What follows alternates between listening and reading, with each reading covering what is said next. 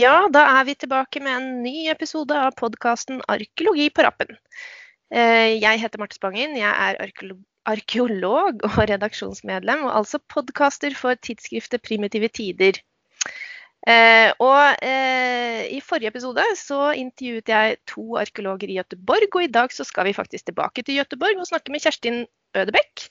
Hei, Kjerstin. Hallo, hallo. Hallo. Ja, vi har hatt litt grann tekniske problemer som vanlig. Mye Skype som ikke funka, og internett som ikke funka. Men nå har vi altså endelig oppnådd kontakt, så det var jo veldig bra. og så får vi eh, håpe at eh, det ikke bryter sammen her underveis, men det er det ingen grunn til at det skulle gjøre. Så dette ordner seg nok. Eh, som sagt, du sitter jo i eh, Göteborg akkurat nå, eh, men egentlig så er du vel knytta til Stockholms universitet, er det ikke sånn? Ja, det stämmer. Jag befinner mig nu i Göteborg där jag har varit föräldraledig ett tag. Men jag har ju min hemvist då på Stockholms universitet där jag är doktorand i arkeologi. Nettopp. Ja, och eh, jag holdt på å si, jeg skal ikke si så veldig mye om hvor jeg sitter. Akkurat nå så sitter jeg i Oslo. så vi er jo som vanlig på litt avstand. Og eh, alle kan jo høre at dette her er nok et eh, Skype-opptak. Men eh, som sagt, det skal nok også gå veldig bra. Vi skal snakke litt mer om doktorgradsprosjektet ditt etter hvert. Men Eh, vi skal jo da først og fremst selvfølgelig snakke om en eh, artikkel som du hadde i forrige nummer av Primitive tider. Eh, og det nummeret handlet om død og begravelse. Og din artikkel het da 'Krigere i graven. Praktikk, ideal og iscenesetting under skandinavisk vikingatid'. Eller det vil si, tittelen er jo 'Krigere i graven?' spørsmålstegn. Så du må jo kanskje si litt om hva dette her handler om. Ja, Ehm, ja, men det här handlar om relationen mellan föremål i gravar och de, eller den personen som är begravd. Ehm, och specifikt så är det ju då så kallade krigargravar eller vapengravar då från vikingatid. Och det här är alltså gravar som innehåller vapen. Ehm, och jag undersöker här relationen mellan krigaridentitet och krigarideal. Eh, med utgångspunkten att föremål i gravar inte nödvändigtvis representerar en levd identitet. Mm. Ja, eh, ja, fordi altså, det her er jo sånn helt utrolig ikonisk arkeologisk materiale som vi har i Skandinavia, egentlig. Da, de vikingtidsgravene. Eh, som de aller fleste har en forestilling om hvordan det ser ut og hva det inneholder. Og det er jo mye våpen, og de har blitt studert helt siden arkeologien egentlig oppsto som et fag på 1800-tallet. Eh, men dette her med hvordan vi forholder oss til og tolker de arkeologiske gjenstandene og gravmaterialet, det har vel egentlig endra seg ganske mye da, fra første, de første studiene kan du si, eh, på 1800-tallet? Ja, exakt. Alltså, som du säger, gravar har ju verkligen varit eh, ett centralt källmaterial i arkeologi eh, och inte minst då i vikingafältet. Ehm, och synen på gravars innebörd har ju förändrats över tid. Ehm, men just det här att föremålen kanske inte speglar den dödas livsgärning. Det är ju egentligen inte någon ny tanke utan det har varit någonting som man har talat om länge. Alltså det här att eh, den döda inte begraver sig själv. Mm. Eh, men gravarkeologi har ju kanske av de senaste decennierna präglats eh, mycket av relationen mellan eh, dels då den, den gravlagda, eh, eh, de, de gravlagda individerna och till exempel gravars uppbyggnad och deras plats i landskapet. Eh, det har varit relation till religion och världsbild och ideologi. Eh, men det har ju också varit ett väldigt stort fokus eh, på identitet. Mm, mm. Ja, och og akkurat det gäller vapen, hur hvordan, hvordan, det man då argumenterar i förhållande till identitet? För alltså, det är ju kanske en lite sån um, umiddelbar forståelse, da, eh, selv om du, som du sier, at eh, man har hatt et litt annet uh, Altså, det er opplagt for alle at uh, man begraver jo ikke seg selv. så det er jo for så vidt uh, lett å forstå. Men akkurat når det gjelder våpen, så blir jo assosiasjonen veldig fort at det må ha noe med krig att göra eller en krigare att göra. Så hur argumenterar man då för att det inte nödvändigtvis är så? ja, alltså, jo men det finns ju jättespännande studier som man kan titta på. Eh, bland annat från anglosaxiska gravar i England. Och där har man gjort så kallade korrelationsanalyser på eh, ett stort eh, antal gravar. Och då har man alltså tittat på vilka typer av föremål som finns i gravarna och hur de här gravlagda personernas eh, fysik och fysiska förutsättningar, hur, hur det är relaterat till föremålen.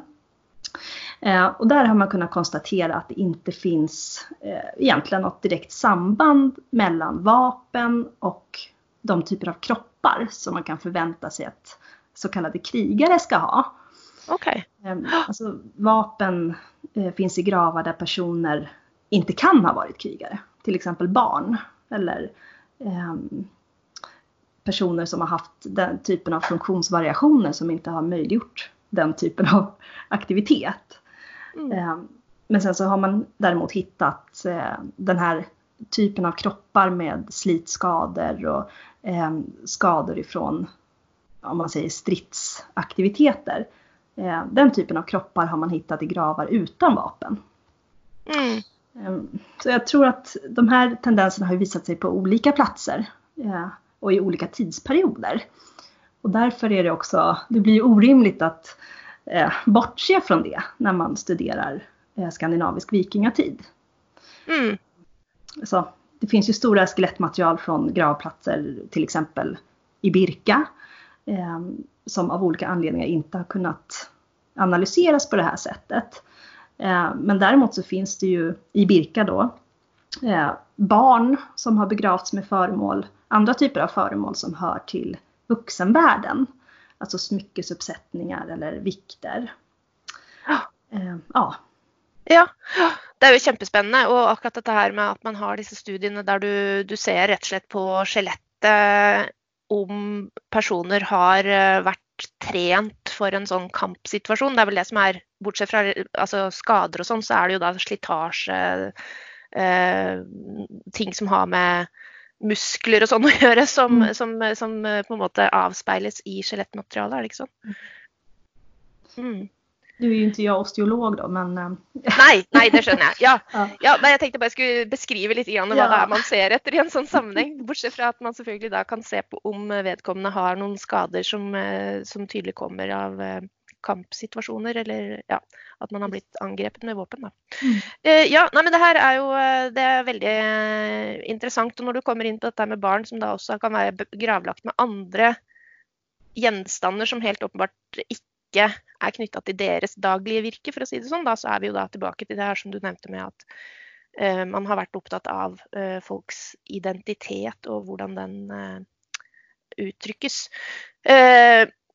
samtidig så er det jo sånn at det er jo ingen tvil om at krig och strid och kamp var ett väldigt viktigt element både i samfunnslivet och verdensbildet i vikingtiden. Nej, verkligen. Eh, alltså det råder ju ingen tvekan om att vikingatiden har eh, präglats av ett väldigt starkt krigarideal. Eh, och vi ser ju spåren av det i, både i Skandinavien och utomlands. Och det är ju allt ifrån eh, texter på runstenar, det är befästningsverk, eh, vinterläger.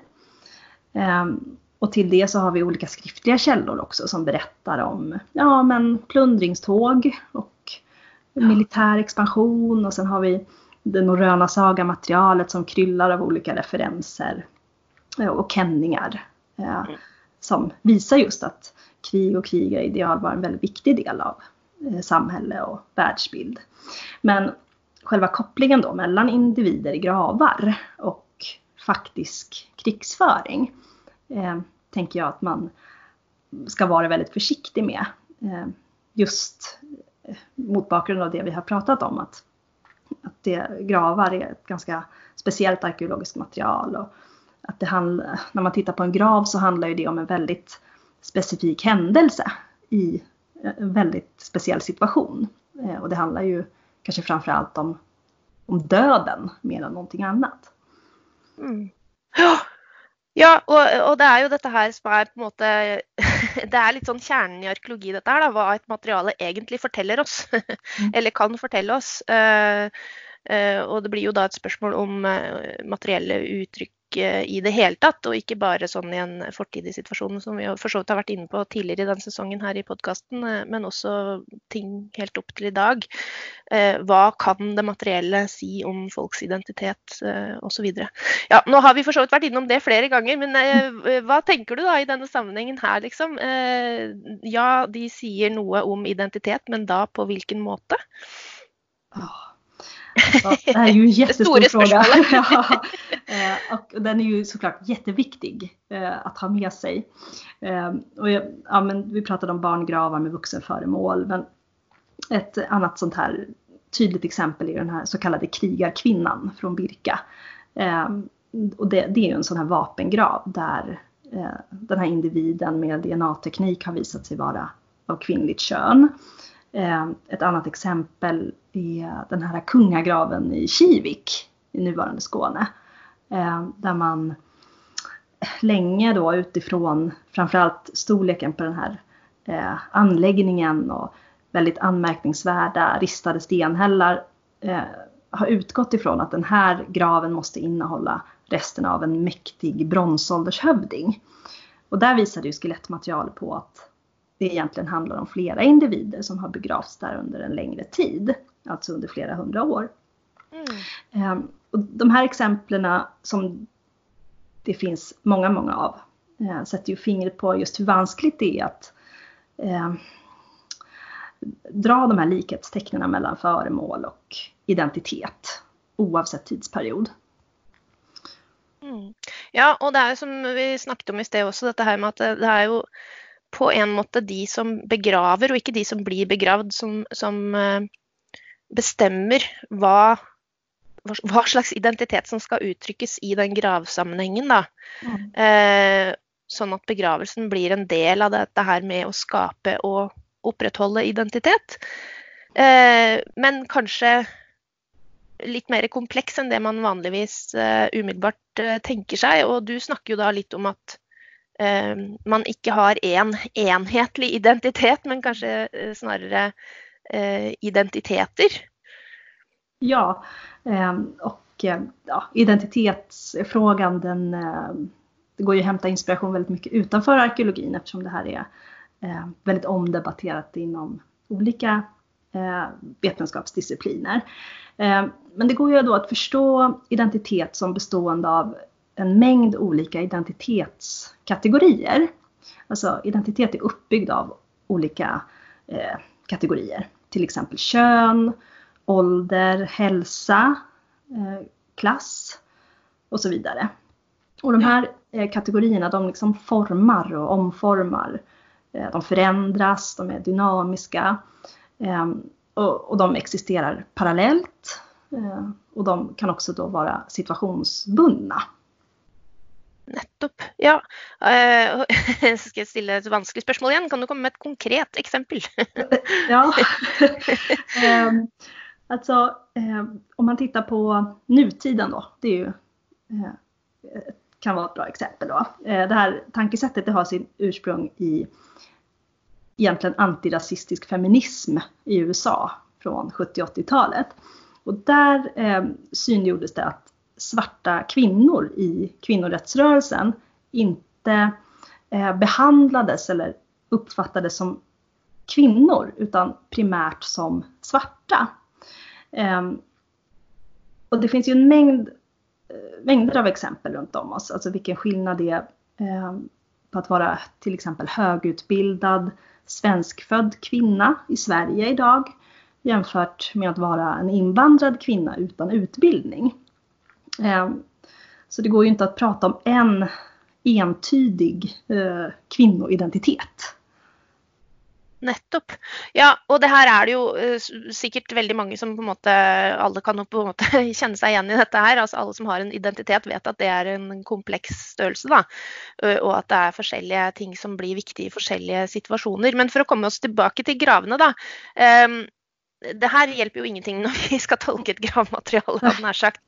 Så hur ska vi som arkeologer då eh, gå fram för att liksom lista ut detta här komplexa identitetsspörsmålet? Ja, det är ju ingen lätt sak eh, har jag med. Nej, heller inte det.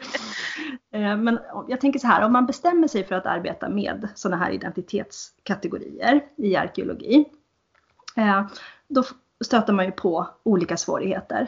Eh, inte minst handlar det om de här kategoriernas föränderlighet. Eh, alltså ålder är ju ett väldigt tydligt exempel på eh, hur kategorier förändras. Ehm, ehm, eftersom att man, människor åldras. Man har inte samma ålder hela tiden. Samma sak med fysisk förmåga. Så man kan vara med om en olycka till exempel och då förändras den identitetskategorin. Ehm, men sen är det ju också ett litet problem då att vi arkeologer eh, inte kan intervjua eller observera eh, de som levde för till exempel tusen år sedan. Utan vi möter ju dem när de är begravda. Eh, och det här kanske då inte ger så stora inblickar i det levande livet.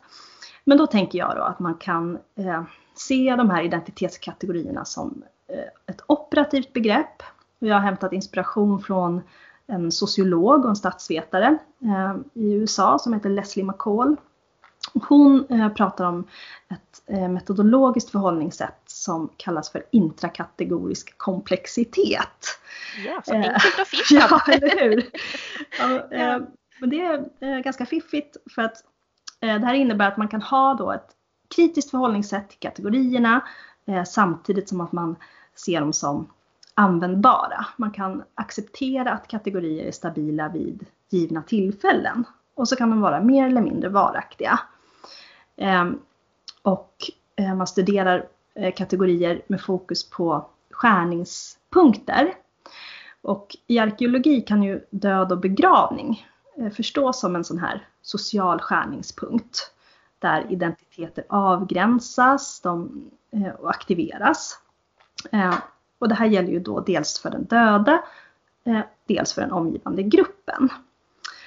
Eh, och då kan man också tänka sig att de här kategorierna eh, de aktiveras i den här situationen med hjälp av attribut i form av föremål, kläder, ritualer.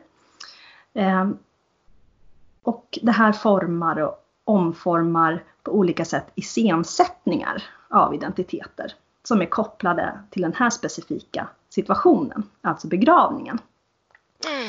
Eh, ja, och föremålen då som används eh, i de här döds och eh, begravningssammanhangen, de fyller ju specifika funktioner och syften som kanske eller kanske inte är direkt kopplade till föremålens funktioner i andra sammanhang. Ja. Ja. det är inte helt enkelt. Det är ju väldigt, Altså det er jo fremdeles komplisert, men det hjälper ju lite att man bestämmer sig för att i denne här kontexten, i dette skjæringspunktet, så kan vi snakke om vissa kategorier och, og som du säger, liksom uppfatta det som en iscenesetting. Och det är ju kanske särskilt det begreppet med iscenesetting da, som är viktigt i den artikeln som du har skrivit här.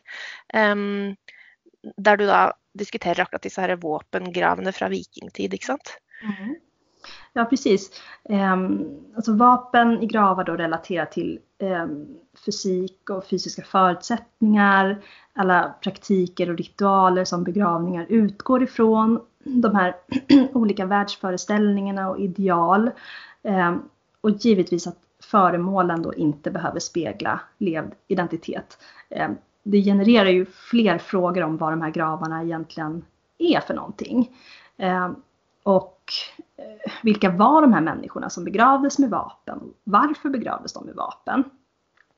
Ehm, och det finns ju såklart eh, många praktiska förutsättningar för att vapen eller andra eh, prestigefulla föremål ingår i gravar.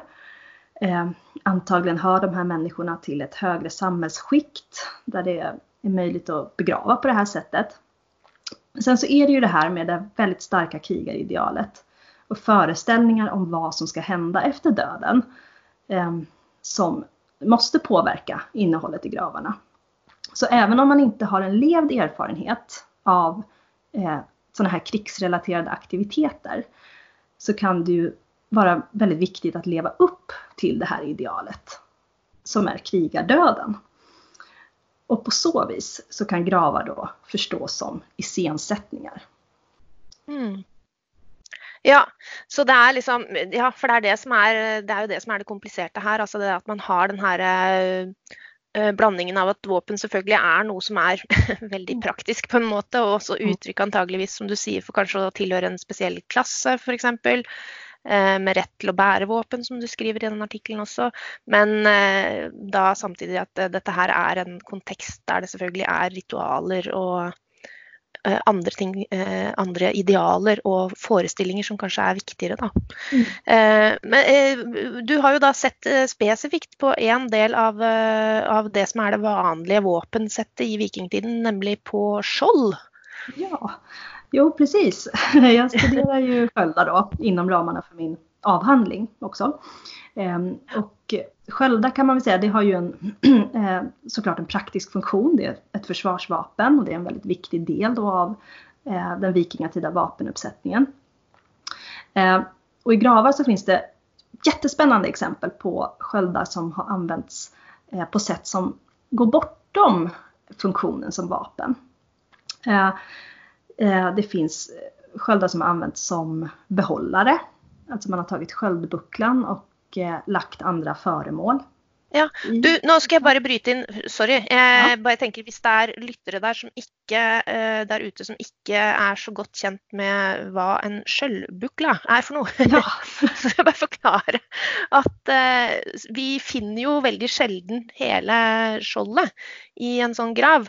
Men man finner da gjerne det metallbeslaget som har sittet midt på skjoldet for å beskytte hånden. Altså da har man hatt en bøyle eller en rem bak på skjoldet, ikke sant. Og så har det da vært en sånn skjoldbule, som vi sier på eh, norsk, da, som har sittet på andre siden og på en måte vært en ekstra beskyttelse for eh, håndgrepet eh, på skjoldet. Ja, Hørtes det riktigt ut? Du som kan detta här i ja, detalj. Jo, absolut. ja, ja. ja, men bra. Sorry, då har jag förklarat det. Och så, ja, fortsätt. Ja, ja vad bra. Eh, jo, men då de här sköldbucklorna då. Eh, och det är framförallt i, i brandgravar. Eh, som, ja, jag, som ja, de, de, de, är ju då, de har ju då en sån slags skålform kan du säga, inte sant? Ja, precis. Mm. Eh, så att de blir ju som, nästan som en, en slags urna Mm. och i, i, det svenska materialet eh, som jag har studerat mest då, då finns det ju kanske en handfull sådana här sköldbehållare.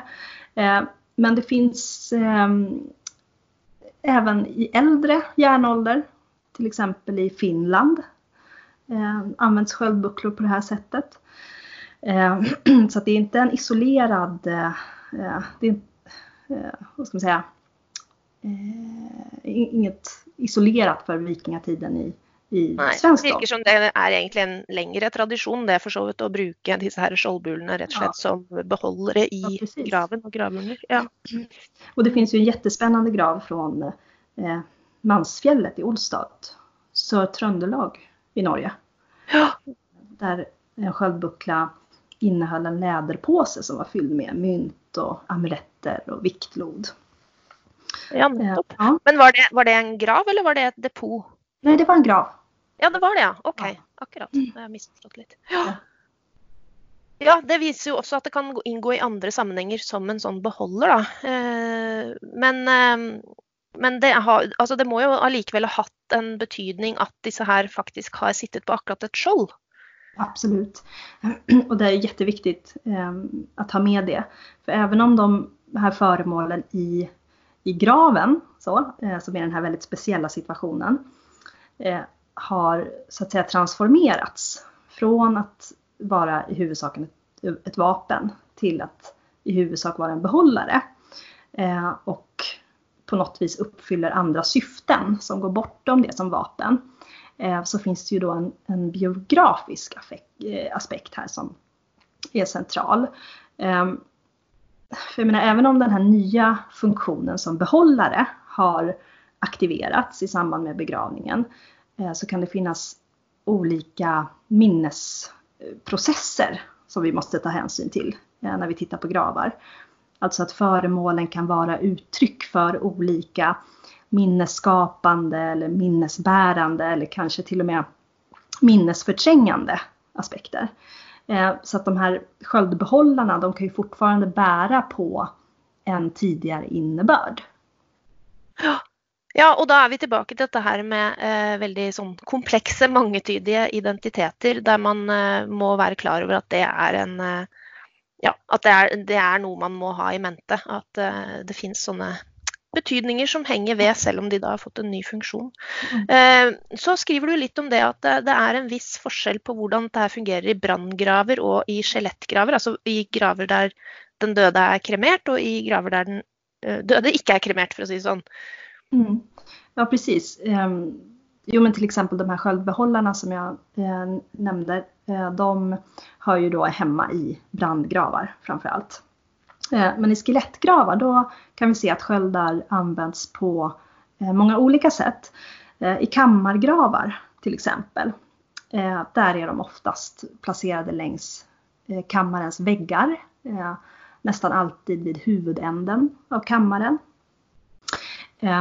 Och i det svenska materialet så är det extremt ovanligt att sköldar har placerats i direkt anslutning till kroppen. Okay. Och det tycker jag är ganska spännande egentligen, för det är ju en, en sån här föreställning som jag tror att många har när man tänker på en, en vikingatida vapengrav, att, att skölden liksom ligger i anslutning till kroppen. Men det, det finns bara ett fåtal exempel på det. Ja, nettopp. Ja, fordi jeg, jeg, bare tenker sånn umiddelbart på rekonstruksjonstegninger ikke sant? Eh, av vikingtidsgraver. Og da er det jo ofte da et skjold på toppen, holdt jeg på å si. Ja. Så det er jo absolutt en sånn vanlig eller umiddelbar assosiasjon når man tenker på den typen graver. Eh, men så tenkte jeg på en annen ting her også, fordi det skriver du vel for så vidt ikke noe om i akkurat artikkelen her, da. men Eh, når de er plassert på den måten, da, så kan man jo tenke seg at det også knytter an til det du kaller for en iscenesetting. Fordi de skjoldene her de har jo sannsynligvis vært dekorert. Mm. Eh, så man kan jo tenke seg at både den dekoren er et uttrykk for en tilhørighet eller en identitet eh, i og for seg med ulike markører på og sånn, da. Og da samtidig også veldig egnet til å vise den tilhørigheten og ja, kanskje generelt dekorere graven på en måte, da. Mm. Eh, man ser for seg at dette her har vært relativt fargerike ting till dels och ja, varit dekorerat på olika måter. Ja, precis.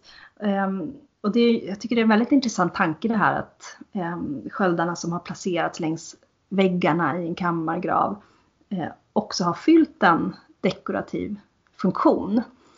Um, jag har gjort några försök med att titta på uh, om, det går att avgöra åt vilket håll skölden har haft sin framsida i graven. Oh ja, ja, spännande. Ja, det ehm, Men det är ju väldigt svårt just eftersom att i det svenska materialet så har vi i stort sett inga eh, träfragment bevarade av sköldar. Så det är väldigt svårt att veta hur de har sett ut. Mm, ja, det var det vi akkurat snakket om, at det stort sett er kanskje skjoldbulen og det, ja. Ja, det som är av beslag och metall som är bevarat kanske. Ja, precis. Men det helt klart så har de ju varit dekorerade på olika sätt. Eh, går vi lite längre bak i tiden till eh, vändeltida sköldar så har ju de haft eh, oerhört eh, dekorativa beslag på träet, alltså i form av olika djurfigurer. Eh, och det har varit förgyllningar och så vidare. Ehm, så jag tänker mig att det är ett annat, det är bara ett annat materiellt uttryck för eh, det dekorativa. Ehm, så det finns ju helt klart i de eh, vikingatida sköldarna också, bara det att det är lite svårare för oss att, att se. Nettopp, ja, mer på grund av bevaringsforhold och sånt. Mm. Men ja, ikke sant. Og da som sagt så kan man ju tänka sig att uh, nettopp skjoldene er uh, noe som virkelig Eh, Eh, har varit knytta till att iscenesette vissa typer eh, identiteter. Da. Eh, men som du säger, da, ikke nødvendigvis for mennesker som faktiskt har brukt disse her skjoldene i krig. Så om vi da sier at ja, ok, de gravene med vapen i Skandinavia i vikingtiden de är inte nödvändigtvis krigergraver, men var är då de krigarna som vi vet må ha existerat i vikingtiden? Ja, det, det är en väldigt svår fråga. en, en hypotes är att att vi hittar de här krigarna i massgravar. Ehm, I England till exempel så finns det ju ett antal eh, massgravar där eh, personerna som ligger där i eh, tycks komma från Skandinavien till exempel.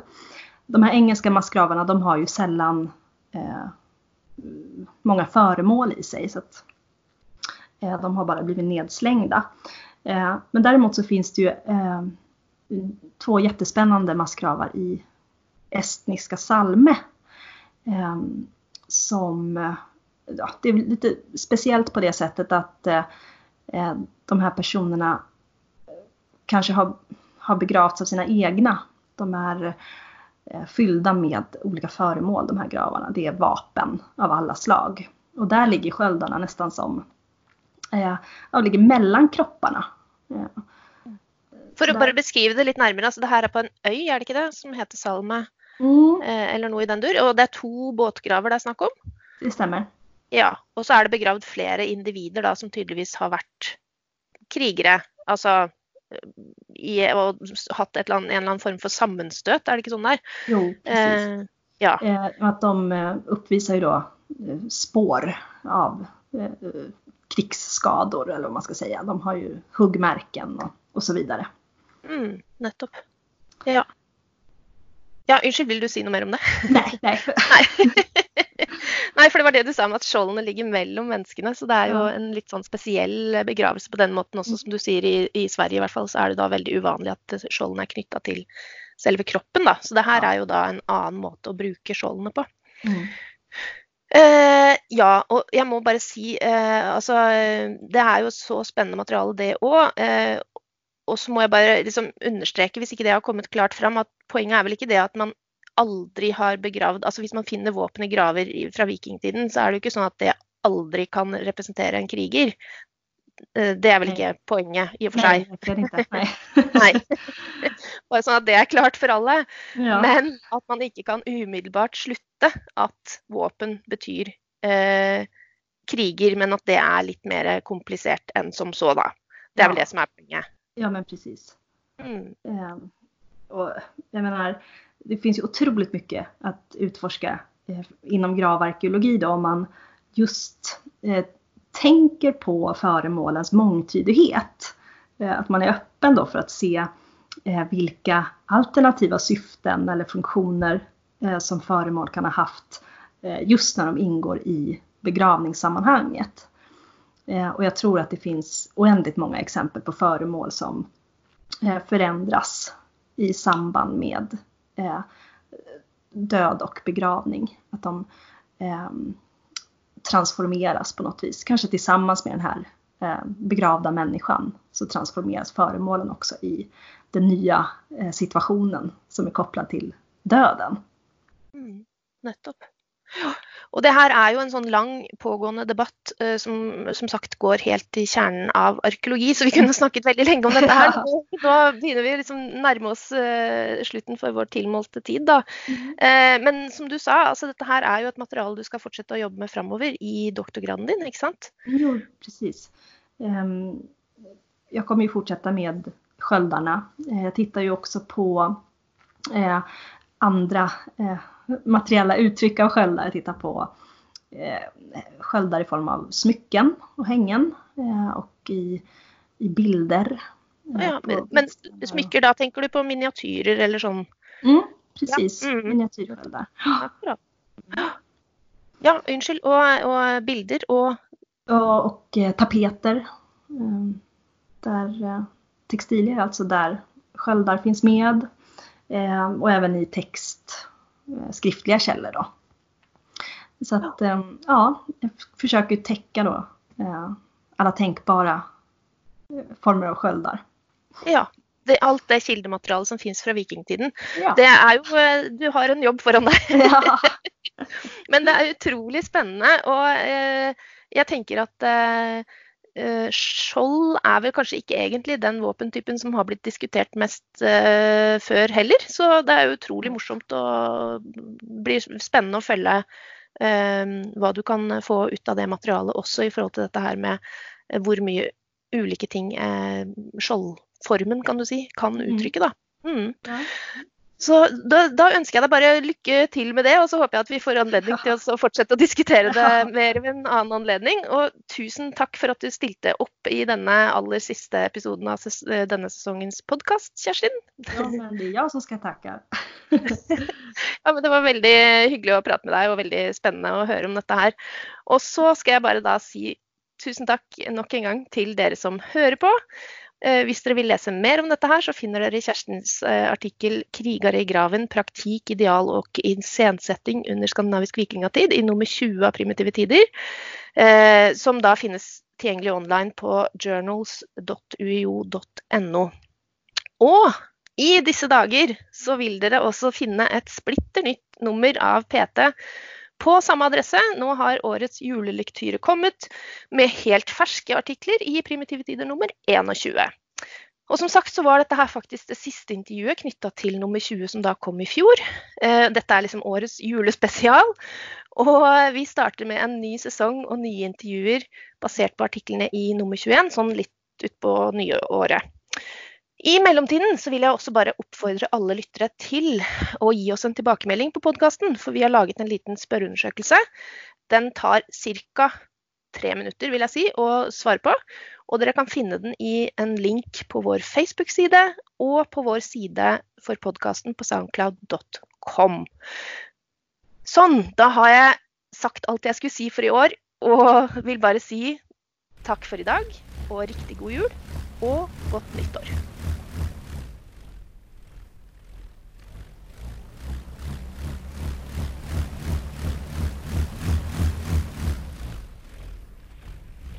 Mm.